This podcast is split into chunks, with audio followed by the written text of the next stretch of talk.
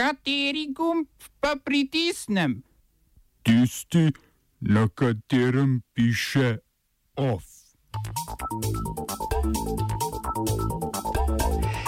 Vrnitev alžirskega predsednika Abdelaziza Buteflike v domovino kljub protestom. Mohamed Štajeh iz stranke Fatah, novi premijer Palestine. Protesti proti predlogu zakona o internetni varnosti v Rusiji. Proslava obletnice aretacije četniškega generala Draže Mihajloviča v Višegradu. V kulturnih novicah pa prevzem poslov Zorana Pozniča na Ministrstvu za kulturo in prvi javni dogodek portala Neodvisni.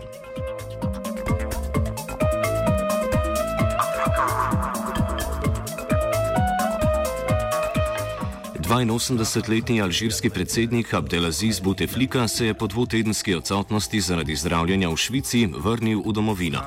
Predsednika so doma pričakali množični protesti proti njegovemu vladanju, ki trajajo že tri tedne, vse odkar je Bouteflika napovedal novo kandidaturo na prihajajočih predsedniških volitvah.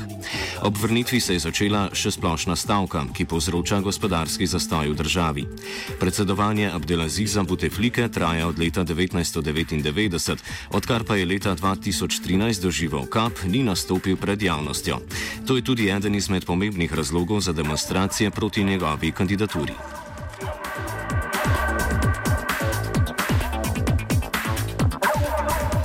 Tunizijski ministr za zdravje Abdel Rauf El Sherif je odstopil potem, ko je v državni porodnišnici v Tunizu v dveh dneh umrlo 12 novorojencev.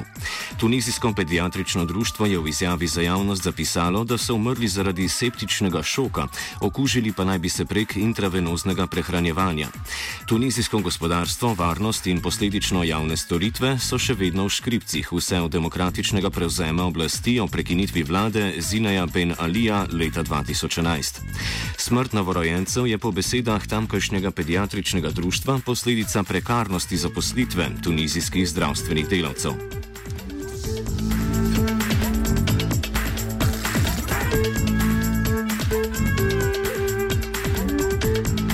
Predsednik Palestine Mahmud Abbas je za novega premijeja imenoval Mohameda Štajeha iz stranke Fatah. Abbas s tem poskuša okrepiti politično moč palestinske svobodilne organizacije, krajše PLO, v kateri je Fatah prevladujoča stranka. Tej potezi nasprotuje palestinska organizacija Hamas, ki upravlja z Gazo. Hamas je dobro sodeloval s predhodnima neodvisnima premijejama, po imenovanju novega predsednika vlade pa predvidevajo ohladitev odnosov s PLO. Štajeh funkcijo prevzema v času, ko Združene države Amerike napovedujejo že milijonti načrt za dokončno sklenitev miru med Izraelom. Izraelom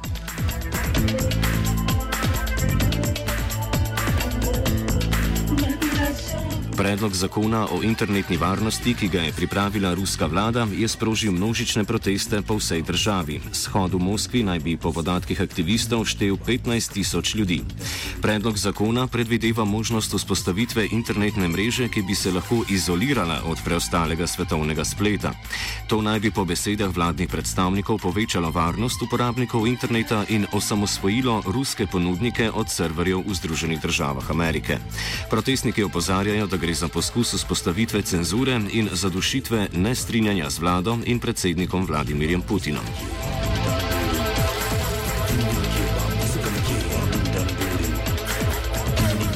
Šibeniško sodišče za prekrške je izreklo oprostilno sodbo hrvaškemu kantautorju Marku Perkoviču Thompsonu za uporabo ustaškega pozdrava za dom spremni na svojih koncertih v letih 2016 in 2017.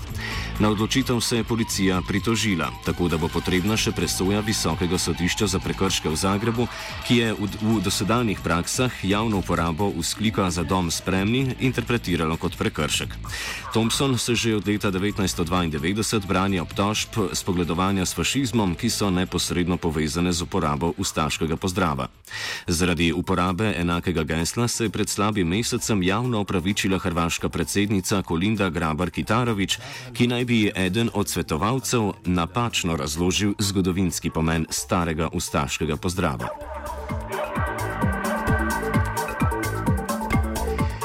Od ustaškega se selimo k četniškemu zgodovinskemu revizionizmu. V Višegradu so se zbrali pripadniki ravnogorskega četniškega gibanja, da bi obeležili 74. obletnico aretacije četniškega vojvode in generala jugoslovanske kraljeve vojske Dragoljuba Mihajloviča. Leta 1945 ga je v bližini tega bosanskega mesta zajela partizanska vojska in mu sodila kot kolaborantu. Proslava ob obletnici se odvija vsako leto 15. marca, letos pa so četniki pohiteli, ker se danes začne pravoslavni velikonočni post.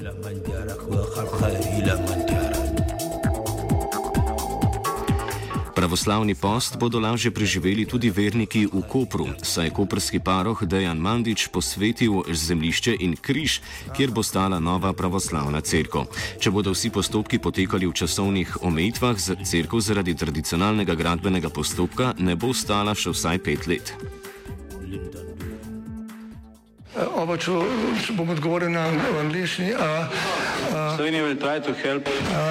We can Slovenija will and we will do our utmost To say that the situation is our problem ourselves. and uh, We will make further steps as soon as the conditions are bomo vlado Marjana Cererja, Mira- Marjana Cererja Šarca podprli. uh, very, very serious.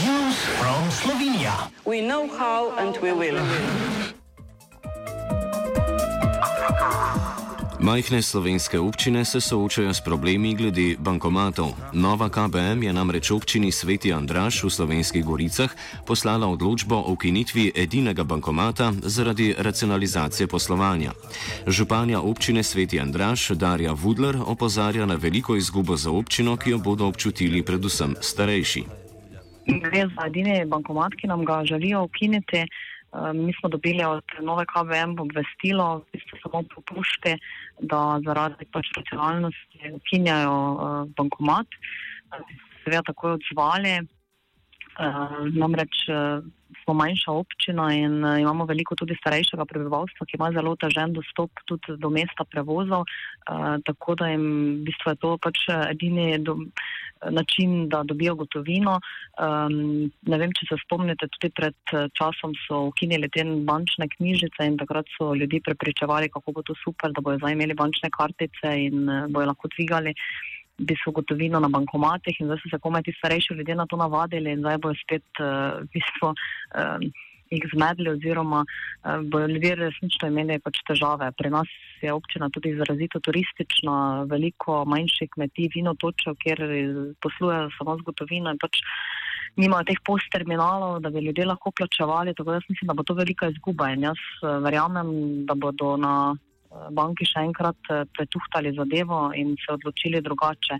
Um, namreč sama menim, da bi morali zadevo pogledati malo širše, ne samo na en posamičen bankomat, um, kajti ne vem, nekje v mestu jim banka plačuje za najem, recimo naša občina pa že uh, več kot deset let nudi brezplačen najem v občinski stavbi, kjer uh, pač gostuje ta bankomat. Uh.